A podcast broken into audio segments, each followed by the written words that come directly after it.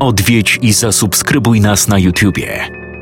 Bądź na bieżąco z nowymi filmami i słuchaj jeszcze więcej mrocznych historii. Mystery TV Więcej niż strach.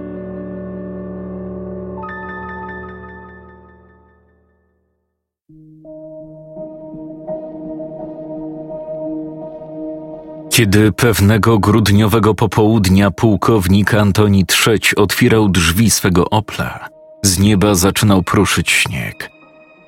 Cieniutka warstwa białego puchu zdążyła pokryć cały plac parkingowy, jak również kilka zaparkowanych w pobliżu aut osobowych. Generałek wsiadł do samochodu. Zanim zdążył zamknąć drzwi, umieścił kluczyk w stacyjce, przekręcając go. Chciał zapuścić, tym samym rozgrzać silnik, a w międzyczasie usunąć wspomnianą cienką warstwę śniegu z auta. Buchające z kanałów dmuchawy nawiewu cieniutkie języki ognia wprawiły trzecia w zdumienie.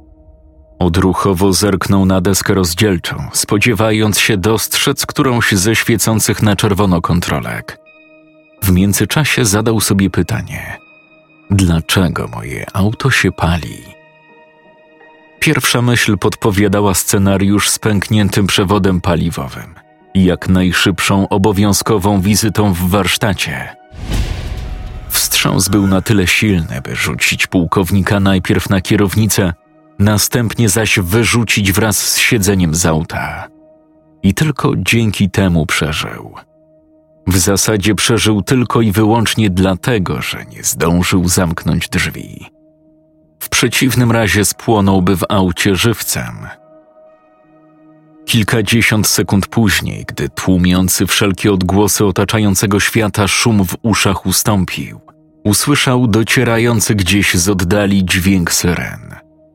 Wtedy na dobre stracił przytomność, zapadając w błogą, bezkresną ciemność. Niespełna pół godziny później, kiedy punkt godzina dziewiętnasta wychodziłem z redakcji, nic nie zapowiadało, że cokolwiek w dzisiejszym dniu może się jeszcze wydarzyć. Zasłaniające niebo ciemne chmury zdawały się idealnie obrazować równie ponuro nijaki dzień. Gdyby spojrzeć na nie obiektywnie, nic złego się dziś nie wydarzyło. To w tym wszystkim jest smutne nic złego się nie wydarzyło. Nie ma o czym pisać. Same pozytywne informacje. Na nich niestety się nie zarabia. Od opublikowania ostatniego artykułu z cyklu Wywiady Prison Story minęło kilka miesięcy. Temperatura nastrojów społecznych opadła. Wzrosło zaś wrogie nastawienie wobec ludzi sprawujących władzę. Im nie można odpuszczać – Niezbędnym jest ciągłe patrzenie rządzącym na ręce. Świadczy to tylko o tym, kim tak naprawdę są, o ich naturze, usposobieniu. Zdaję sobie sprawę, że moje postępowanie jest wielu wpływowym osobom nie na rękę. Zdaję sobie także sprawę z wiszących tuż nad głową czarnych chmur w postaci gruźb, ostrzeżeń oraz dobrych rad, abym trzymał się od pewnych ludzi z daleka abym nie wtykał nosa w nie swoje sprawy. Od samego początku wiedziałem, że praca dziennikarza śledczego do prostych nie należy. Dlatego nie reagując na wszelkiego rodzaju rzekome ostrzeżenia, po prostu robiłem swoje. Monotonia dnia zaburzona została wczesnym wieczorem, a to za sprawą newsów z kraju i ze świata, zaserwowanych jak co dzień tuż przed godziną dwudziestą. Godzina 19.50, Marzena Świeboda, zdarzenia. Zapraszamy. Dziś w zdarzeniach. Sensacja archeologiczna w okolicach Warszawy. Bójka posłów pod parlamentem. Atak zimę zaskoczył drogowców. Nieujawniony majątek jednego z parlamentarzystów porządku i socjalizmu. Zaczynamy. Do sensacyjnego odkrycia archeologicznego doszło dziś w okolicach Warszawy. Mowa tu o starym grobowcu, którego daty na obecną chwilę nie sposób jednoznacznie ustalić. Odnalezione artefakty idealnie wpisują się w kulturę aztecką. Na tym oczywiście można by przejść do porządku dziennego z łatwością, ustalając ich wiek na przełom XV i XVI wieku, gdyby nie kluczowe w tym momencie pytanie. Skąd na naszych ziemiach artefakty tak mocno związane z kulturą aztecką? Czy są autentyczne? Na to i na kilka innych pytań w programie Zdarzenia po zdarzeniach odpowie ekspert Henryk Janicki. Nie powiem, aby powyższy news nie zwrócił mojej uwagi. Od razu zacząłem szukać ewentualnych poszlak wskazujących na związek odnalezionego starego grobowca z poprzednio dość wnikliwie badanymi przeze mnie sprawami. Mowa oczywiście o taśmach Urbex Story i wywiadach Prison Story. Dlatego po wysłuchaniu, nie bez trudu, kolejnych, w oczywisty sposób nudnych tematów, doczekałem programu Zdarzenia po zdarzeniach, gdzie wspomniany ekspert odpowiadał na pytania bardzo ładnej, blond pani prowadzącej. Moim i państwa gościem jest Henryk Janicki, archeolog nie tylko z wykształcenia, ale także, a może przede wszystkim pasji. Tak, archeologia jest całym moim życiem. To moje hobby, pasja i wszystko, co najlepsze w jednym – wszystko zaczęło się, gdy byłem jeszcze małym chłopcem. Panie Henryku, zacznijmy od najbardziej ciekawiącego widzów i przyznam mnie osobiście także pytania. Skąd na ziemiach polskich znaleziska tak mocno powiązane z kulturą aztecką? Bardzo dobre pytanie.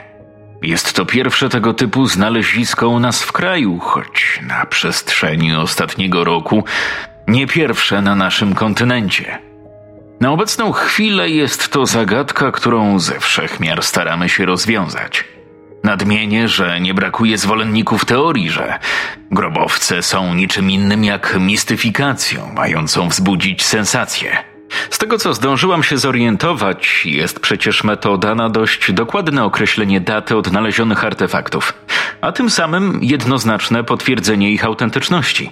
Chyba dość nielogicznym byłoby preparowanie grobowca wypełnionego autentycznymi dziełami sztuki wartymi miliony dolarów. Przy obecnej technice. Tak, tak, tak, tak. Istnieje sposób na dość szczegółowe zweryfikowanie odnalezionych rzeczy. Zapewniam, korzystamy z niej. Mówimy tutaj o plemionach, ludach, które dzieliły tysiące kilometrów. To różne kontynenty Przypomnę, Aztekowie swego czasu zamieszkiwali kontynent Ameryki Południowej. Chciałbym zaznaczyć, że w ostatnim czasie podobne odkrycia miały miejsce na terenie Europy Zachodniej. Mowa tu o Belgii, Holandii i Francji. Program trwał przeszło 40 minut. Pomimo wielu pytań nie doszukałem się żadnej informacji mogącej łączyć fakt odnalezienia grobowców ze sprawami prowadzonymi przeze mnie w przeszłości. Na tym zapewne zakończyłbym wątek grobowców, gdyby nie telefon od dobrze mi znanej Anny. Dokładnie tej samej, dzięki której powstała seria artykułów Wywiady Prison Story. Trzeci jest w szpitalu. Był na niego zamach. Czując uginające się nogi w kolanach, usiadłem. Dalszy przebieg rozmowy pamiętałem jak przez mgłę. Zapamiętałem jedynie godzinę mającego się odbyć dnia następnego spotkania. Doszło do niego w jednej z chińskich restauracji na Ursynowie. Od Anny dowiedziałem się szczegółów zamachu. To był ładunek wybuchowy. Zamachowiec wiedział, co robi. Na całe szczęście bomba nie należała do najmocniejszych. Pułkownik miał wiele szczęścia. Skończyło się na kilku poparzeniach i strachu. Powiedział, że chce się z tobą jak najszybciej spotkać. Leży w prywatnej klinice w Konstancinie. Czy to bezpieczne? Mam na myśli spotkanie. W obecnej sytuacji ciężko jest mówić o bezpieczeństwie. A pułkownik? Nic mu nie zagraża? Bez obaw. W tej chwili jest bezpieczny. Dwie godziny później przekraczałem próg kliniki. W recepcji dowiedziałem się, że pułkownik leży w pokoju numer 14, mieszczącym się na pierwszym piętrze trzypiętrowego gmachu. Słyszał pan zapewne o odkrytych grobowcach. Generałek już na wstępie rozmowy całkiem przytomnie przeszedł do konkretów. Tak, słyszałem. No. Jak się pan zapewne domyśla, podane do publicznej wiadomości informacje są zaledwie wierzchołkiem góry lodowej. Choć to i tak za dużo powiedziane. Bagatelizują całe odkrycie, sprowadzając je do wątku raczej sensacyjnego. Odkrycie miało miejsce dokładnie 8 dni temu, podczas gdy dopiero teraz raczą informować o tym opinię publiczną. Do tego rzekomy ekspert i to jeszcze od kultury Azteków. Większych bredni nie byli w stanie wymyślić. Dam panu kontakt do mojego zaufanego człowieka. To nie jest sprawa na telefon. Proszę się z nim spotkać. Zapewniam, czas ma tu znaczenie. Aha, proszę zadzwonić z aparatu, który panu dam. Po zakończeniu rozmowy najlepiej będzie, jak pan go zniszczy. Jak wiadomo, przystałem na propozycję bez wahania. Z miejsca instynktownie, wręcz wyczuwając motyw mogący być kluczem łączącym poprzednie sprawy w jedną spójną całość. Z zaufanym człowiekiem pułkownika spotkałem się w miejscu mojego pierwszego spotkania z generałkiem, czyli w centrum handlowym Promenada. Mój rozmówca sprawiał wrażenie człowieka spiętego, obawiającego się raczej kogoś niż czegoś. Rzucane mimochodem w każdą ze stron ukradkiem spojrzenia, zdawały się potwierdzać trafność spostrzeżenia. Biorąc pod uwagę wygląd, czyli dobrze ponad 1,80 m wzrostu i postawną budowę ciała, obawy musiały być jak najbardziej uzasadnione. Otóż mam kilka tropów niezbędnych do zweryfikowania. Pierwszym jest rozmowa z podkomisarzem Malikiem. Malik prowadził kolejne śledztwa. Pokrótce przybliżę sprawę. Otóż, zanim odkryto grobowiec, wydarzyły się w tamtym miejscu kolejne, następujące po sobie makabryczne morderstwa. Nadmienię w równych odstępach czasu morderstwa. Jest to trop wart zweryfikowania. Czy coś wniesie? Nie wiem. Nie można jednak przejść obok tego obojętnie. Drugi to. W tym momencie mężczyzna wyjął z kieszeni kurtki kartę pamięci. Położył nośnik na blacie stołu, przesuwając w moją stronę. Do odkrycia grobowca przyczyniła się tragedia. Zasadniczo to, gdyby nie ta tragedia, do odkrycia na pewno by nie doszło. Wnuczek jednego z moich bliskich współpracowników prowadził kanał na YouTubie. Specjalizował się w tematyce niewyjaśnionych spraw i zdarzeń, z naciskiem na te kryminalne. Makabryczne zbrodnie były bardzo skrzętnie ukrywane. Zamiatanie pod dywan miało rzekomo na celu nieszerzenie paniki. Ci, którzy tam zginęli, powiedzmy, nie byli stratą dla społeczeństwa, wręcz przeciwnie. Chłopak sobie tylko znanym sposobem o wszystkim się dowiedział. Pojechał na miejsce. To, co tam się jednak stało. Proszę obejrzeć filmik. Trzeci trop jest najciekawszy. Udało nam się dotrzeć do grobowca, zanim położyła na nim łapy strona nam przeciwna. Jesteśmy w posiadaniu czegoś, czego nie rozumiemy. Póki co pracujemy intensywnie nad rozwikłaniem, choćby w minimalnym stopniu, zagadki znaleziska. Przełom może nastąpić w każdej chwili. To tyle z mojej strony. Życzę powodzenia. Usłyszane słowa w pierwszym odczuciu przyspieszyły pracę serca. W drugim zmotywowały do działania, każąc natychmiast podjąć odpowiednie kroki. Pierwszym było spotkanie z podkomisarzem Malikiem. Spotkaliśmy się późnym popołudniem, następnego dnia w małej indyjskiej restauracji na obrzeżach miasta. Wzrok Malika zdawał się przeszywać na wylot. Był charakterystyczny dla policjantów z pionu śledczego. Sprawiał wrażenie nieufnego, podejrzliwego. Nic dziwnego, miał to we krwi. Wiedziałem, że nie będzie łatwo. Dobrze zna pan pułkownika trzecia? Zapytał w pierwszych słowach. Dobrze, jest pojęciem względnym. Działamy z obopólną korzyścią. Przyświeca nam w gruncie rzeczy jeden cel. To pan jest autorem artykułów Taśmy Urbex Story i wywiady Prison Story? Tak. Zajmował się pan sprawą morderstw w miejscu odkrycia grobowca. Czy może pan nieco przybliżyć prowadzone sprawy? Zbrodnie były z rodzaju tych, że tak się wyrażę, makabrycznych. Ofiary miały rozłupane czaszki. Liczne ślady ran na ciałach wskazywały jednoznacznie na walkę. Denaci byli nam doskonale znani. Zarówno ci ostatni, jak i wszyscy z poprzednich lat. To nie byli grzeczni chłopcy. Tutaj akurat mówię o kwarcu, kmicie, rataju, piekarze. Osobiście nie znam nikogo, wyłączając oczywiście służby specjalne, które mogłyby ich zamordować w taki sposób. Przesłuchania nie dały nic. Informatorzy z ich środowiska byli w równym stopniu zaskoczeni śmiercią jak my. Żadnych dowodów, ani choćby poszlak na miejscu zbrodni.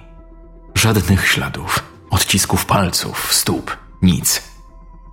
Po prostu nie znaleźliśmy niczego. Wiem o krążących na temat miejsca legendach. Już na wstępie zapewniam, że nie będę rozmawiał na ten temat. Jestem policjantem, a nie jasnowidzem czy wróżbitą.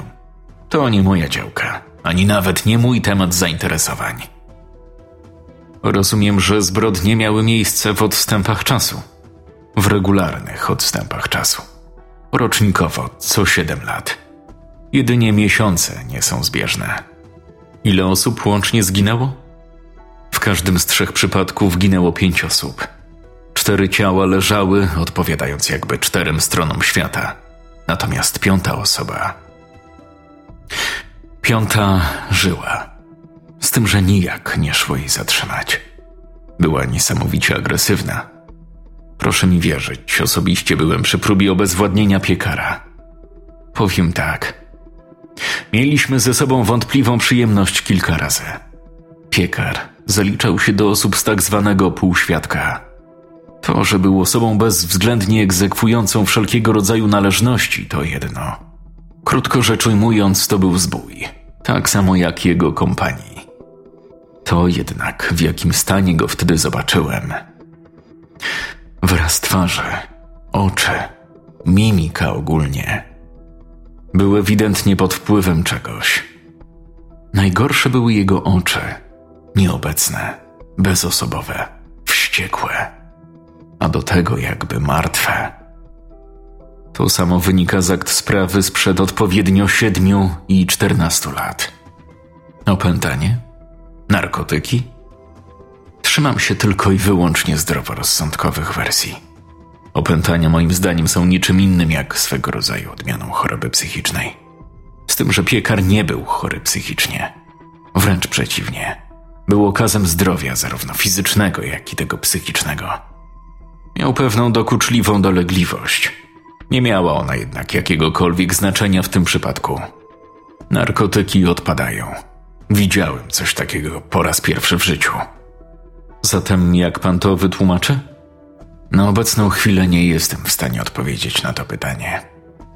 Wszystko wydaje się wskazywać, że to on jest mordercą. Nijak to niczego nie tłumaczy. To się po prostu przysłowiowej kupy nie trzyma. Nie ma kompletnie jakiegokolwiek motywu, choćby czysto teoretycznego. Nie dało rady go utrzymać. Czterech funkcjonariuszy nie mogło sobie z nim poradzić. Ciskał nimi niczym szmacianymi lalkami. Otrzymał pięć postrzałów w nogi i dwa w tułów. Nic to nie dało. Rozumie pan? Był jak kuloodporny. Powstrzymał go dopiero strzał w głowę. Czytałem każdy z pańskich artykułów, dlatego zdecydowałem się na rozmowę. Przeprowadziliście zapewne sekcję zwłok. Co wykazała? No, oczywiście, że przeprowadziliśmy. W każdym z trzech przypadków była przeprowadzona. Wyniki jednoznacznie wykazały śladowe ilości nieznanej nam substancji, równie nieznanego pochodzenia. Uściśle, że ta substancja wykryta została jedynie w organizmach piekara, moherka i wielkińskiego, czyli tych, których nie sposób było zatrzymać. Proszę mi wierzyć. Nie jedno laboratorium się nad tym głowi. Po dziś dzień jest to zagadka. Gdyby cokolwiek udało się ustalić, rozumiem, że wiedziałby pan o tym? Myślę, że tak. Nie jest pan jednak do końca o tym przekonany. Myślę, żebym o tym wiedział. Ta sprawa. nie daje mi spokoju. Sprawy, o których pisałem, a które wydają się wiązać z tą prowadzoną przez pana, utajniono. Wiem o tym. Skoro substancja została wykryta tylko w organizmach tych, którzy przeżyli, znaczyć to może, że mogli coś zażyć na zasadzie chociażby testowania specyfiku. To by tłumaczyło niesamowitą siłę i wytrzymałość każdego z nich. Wszyscy mieli nieciekawą przeszłość związaną z półświadkiem. Wiem, co chce pan powiedzieć. Wydaje się to proste i logiczne. Proszę mi jednak wierzyć, to nie tak. Wiem, co mówię. Trzeba ich było widzieć. Czuć bijące od nich zło. Chęć dzikiego, bestialskiego mordu. Trwająca kolejne dwadzieścia minut rozmowa nic nowego nie wniosła do sprawy. Co by nie mówić, znalazłem nikłą, bo nikłą, nić w jakimś stopniu łączącą badaną sprawę ze sprawą Prison Story. Podsumowując ogólną wiedzą organów ścigania, należy uznać za nikłą. Nie ukrywam, że z wielkim zainteresowaniem późnym popołudniem zasiadłem przed ekranem telewizora. Liczyłem, że zapis z otrzymanej karty pamięci dostarczy wrażeń na miarę filmu, na podstawie którego powstał cykl artykułów taśmy Urbex Story. Nie zawiodłem się. Późny wieczór. Gęsta mgła utrudniała widoczność, ograniczając ją do zaledwie kilku metrów. Oko kamery rejestrowało kilka wyłaniających się z mleczno-białej zawiesiny drzew. Siemanko, siemanko, wita was szukający przygód. Dziś przygotuję dla Was materiał z miejsca owianego w takim samym stopniu złą sławą, co i mrokiem tajemnicy. Mowa tu o lesie pod Warszawą i znajdującym się tu wzniesieniu. Widoczność w znacznym stopniu ograniczają warunki atmosferyczne. Wiem. Zapewniam, zrobię wszystko, by pokazać ile się da i wedle posiadanej wiedzy przybliżyć sprawę. Otóż chodzi o trzykrotnie dokonane dokładnie w tym miejscu mordy. Wszystkie miały miejsce w siedmioletnich odstępach czasu. Daje do myślenia, no nie? Teraz krótko o ofiarach. Pierwsze cztery to mężczyźni dopuszczający się w przeszłości aktów przemocy wobec kobiet. Kolejni powiązani byli w jakimś stopniu z półświadkiem. To byli dilerzy narkotykowi i sutenerzy. Ostatni to doskonale znani zarówno policji, jak i miejscowym gangsterzy. Kwarc, Kmita, Rataj. Słabo? Jednym słowem, miejsce przyciąga złych ludzi – co łączy wszystkie zbrodnie? Prócz odstępów czasowych, sposób ułożenia zwłok. Otóż głowami w stronę wzniesienia. Obiektyw ukazywał ledwo widoczne wzniesienie, porośnięte dziko rosnącymi krzewami czarnych jagód. Miejsce niczym z horroru. Daruję sobie wątek paranormalny z szabatem czarownic, wizytami w tym miejscu przedstawicieli obcych cywilizacji i tym podobne, gdyż to nie jest tematyka kanału. Choć historia z udziałem czarownic jest bez dwóch zdań ciekawa, to z całym szacunkiem nie wierzę w nią. Jest to materiał na książkę bądź opowiadanie grozy. O proszę, udało mi się odnaleźć wejście. Zmienię tylko baterię i zobaczymy, cóż takiego się tam kryje. Obraz na chwilę robi się czarny. Znika także głos. Po chwili obiektyw kamery ukazuje rozświetlone wnętrze, jak łatwo się domyślić, widzianego kilka chwil wcześniej wzniesienia. Na środku stoją trzy głazy, z wyglądu przypominające jakby trumny. Tuż obok nich dostrzegłem dwie, jak mniemałem, złote figury. Pierwsze skojarzenie podpowiadało, że figury mają za zadanie pełnić rolę strażników. O ile obraz był w miarę wyraźny, tak fonii nie było wcale. Oko kamery omiata wnętrze grobowca – Wykonane z piaskowca ściany nadają wnętrzu mistyczny wręcz wygląd. Mimo, że nie dostrzegłem jakiegokolwiek źródła światła, wewnątrz panuje jasność.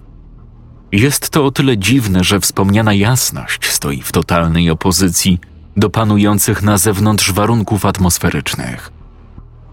Chłopak podchodzi kolejno do, powiedzmy, kamiennych grobowców, następnie zaś złotych figur – Twarze posągów przypominają te z fatalnej w skutkach wyprawy Urbex. Następnie znów podchodzi do jednego z kamieni i go dotyka. Obraz zaczął się rozmazywać. Ostatecznie zniknął. Pojawiła się za to fonia. Wow, gorący. Przy dotyku jakby zaczął się utleniać. Pierwszy raz widzę coś takiego. Niesamowite miejsce. Nie mam pojęcia, co jest źródłem światła, ale to działa. Działa i to jak? Te twarze. Zrobię jeszcze tylko zooma i spadam. Uzębienie, rozstaw oczu. To nie ludzie. Albo ludzie w maskach. Wybaczcie, czuję się tu. Chcę stąd po prostu jak najszybciej wyjść. Muszę zaczerpnąć świeżego powietrza. Słyszeliście? Ostatnim zarejestrowanym dźwiękiem był odgłos porywistego podmuchu wiatru, któremu towarzyszyły ledwo słyszalne, rytmiczne uderzenia bębna. Na tym zapis pendrive'a się kończył. Film obejrzałem jeszcze dwukrotnie. Ze wszech miar starałem się znaleźć jakikolwiek, choćby najmniejszy punkt zaczepienia. Wspomniane rytmiczne uderzenia bębna udało mi się usłyszeć dopiero za trzecim, czyli ostatnim razem. O ile rozmowę z podkomisarzem Malikiem można było odnieść do rzekomego buntu w jednostce penitencjarnej, tak zapis nośnika nawiązywał do fatalnej w skutkach wyprawy Urbex. Były chwile, w których wydawało mi się, że rozwiązanie jest na wyciągnięcie ręki. Kiedy indziej czułem totalną niemoc. Nie pozostało nic innego, jak liczyć na jakąkolwiek wskazówkę, mającą być udzieloną przez bliskiego współpracownika trzecia. Spotkaliśmy się dwa dni później, tuż przed południem. Tym razem przybyły na miejsce spotkania współpracownik sprawiał wrażenie człowieka nieco bardziej odprężonego. Malik wspominał o pewnej nieznanej substancji, której śladowe ilości wykryto w ciałach ofiar. Wie pan może coś więcej na ten temat? I tak, i nie. Nie w sensie braku dostępu do badań. Wszystko utajniono. Żaden z naszych informatorów nie ma do nich dojścia. Dlaczego tak? O tym za moment. Substancje wykryto tylko u osób, które, co prawda, w momencie przybycia na miejsce zdarzenia policji żyły, lecz jak sam Malik mówił, byli niesamowicie agresywni, dzicy. Nie było innego wyjścia, jak ich zabić. Tak, wiem o tym. Zapewniam, na tym sprawa się nie kończy.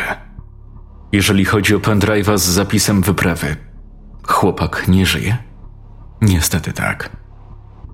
Otóż, jak już wspomniałem, Mateusz, tak właśnie miał na imię, był wnuczkiem mojego dobrego przyjaciela. Przyjaciel, tak jak ja, wojskowy w stanie spoczynku. Wiedząc o pasji wnuczka, zainstalował w jego telefonie pewną aplikację – Chodzi w skrócie o to, aby obiekt rzecz jasna bez swojej wiedzy i zgody był szpiegowany. Kiedy chłopak nie wrócił na noc do domu, przy pomocy aplikacji zlokalizowano miejsce jego pobytu. I tu zaczyna się historia. Po dotarciu na miejsce nie zastano nic, co mogłoby wskazywać, że chłopak w ogóle tam przebywał. Przeszło trzy godzinne poszukiwania nie dały nic. Wtedy skoncentrowano uwagę na wzniesieniu – przy użyciu ciężkiego sprzętu rozkopano je, odnajdując wszystko to, co zarejestrowała kamera Mateusza. Mówię o figurach, jak i kamiennych trumnach. Rzecz jasna, wtedy nie wiedziano jeszcze, że to trumny. W zasadzie to w dalszym ciągu nie wiemy, czym to jest. Znaleziono oczywiście kamerę, jednak wszelki ślad po Mateuszu na tamten czas zaginął. Michał, mówię o przyjacielu wojskowym i dziadku Mateusza, nie dawał za wygraną. Wraz z dwójką kumpli wszczął na własną rękę poszukiwania. Chłopaka odnaleziono kilkadziesiąt godzin później. Sytuacja była bliźniaczo podobna do tej opisywanej przez Malika. Chłopak, powiem tak. Zanim go zabito, pozbawił życia jednego z pomocników Michała. Drugiego dość mocno poturbował. Dotknął kamienia. Wiem to z zapisu kamery. Tak, też to wiemy. I zapewniam, weryfikujemy. Udało nam się przetransportować w bezpieczne miejsce jeden z kamiennych sarkofagów. Niestety, podczas próby przetransportowania figur, zostaliśmy namierzeni przez stronę przeciwną. Niezbędnym było zaniechanie dalszych działań. Od spodu kamiennego sarkofagu znajdowały się napisy w niezrozumiałym dla nas języku. Mówię kamiennych, lecz jest to rodzaj nieznanego nam materiału, pierwiastka, minerału, Co ciekawe, przy temperaturze 36,6 stopni Celsjusza zamienia się w ciecz, by przy obniżeniu czy też podwyższeniu znów się uformować i przybrać stan stały. 36,6 to temperatura ludzkiego ciała. Dokładnie. Zastanawiające jest, że za każdym razem formuje się w ten sam kształt, przypominający kamienny sarkofag. Co ciekawe, jest to substancja bliźniaczo podobna do tej, której śladowe ilości wykryto w ciałach ofiar i w zwłokach Mateusza. Czy podczas badań zauważyliście jakąkolwiek szkodliwą formę oddziaływania substancji na organizm badających? Chodzi o aspekt na przykład halucynogenny. O przenikaniu do organizmu już nawet nie wspomnę. Nie. Nic takiego nie zaobserwowaliśmy. Substancja zdaje się być neutralna, co nie zmienia faktu, że długofalowe badania mogą coś w tej materii zmienić. Nie próbowaliśmy także łączyć otrzymanej substancji z jakąkolwiek inną nam znaną. Na obecną chwilę koncentrujemy się na utrzymaniu stanu ciekłego i wnikliwej analizie składu. Nie ukrywam, że jest to. Nie wiem, jak to powiedzieć. Za każdym razem otrzymujemy inne wyniki badań, tak jakby ciecz nieustannie się zmieniała, ewoluowała, bawiąc się z nami w kotka i myszkę. Podobnie jest z pobraną do analizy krwią denatów. Wiem, że może to trącać fantastyką, lecz być może jest to jakaś forma nieznanego nam inteligentnego organizmu, pasożyta. Atakuje w sprzyjającym dla siebie momencie – Zagmatwane wyniki badań mają być może uśpić naszą czujność. Pytanie brzmi: jaki jest w tym cel? Nie wykluczamy takiego scenariusza. Nic więcej na obecną chwilę nie jestem w stanie powiedzieć. Wrócę do napisów od spodu i alfabetu, jakim się posłużono. Na rozwiązanie wpadliśmy, śmiało można stwierdzić, przypadkiem wczoraj.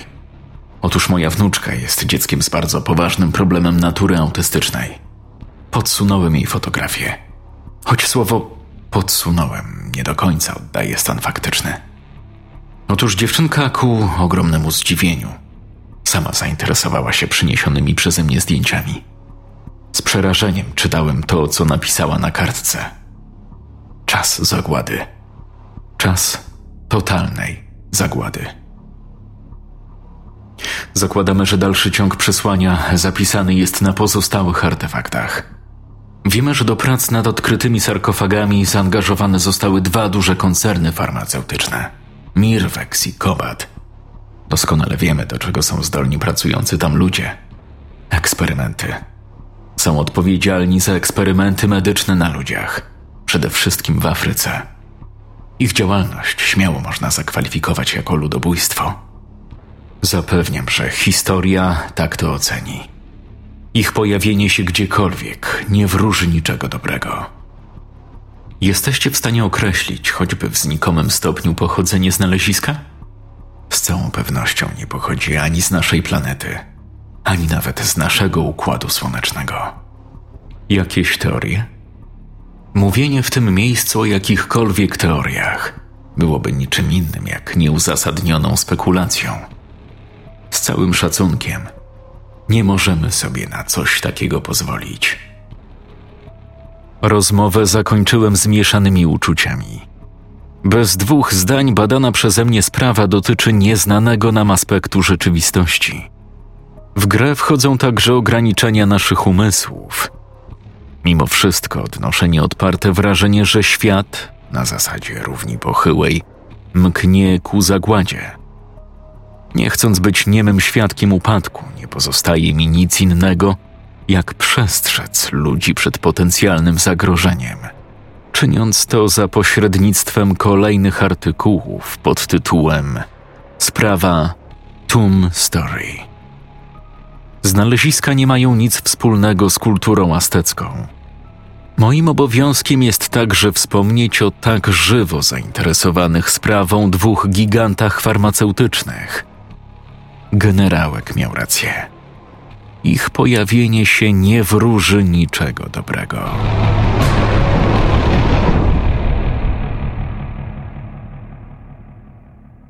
Scenariusz Gabriel Grula czytał Jakub Rutka.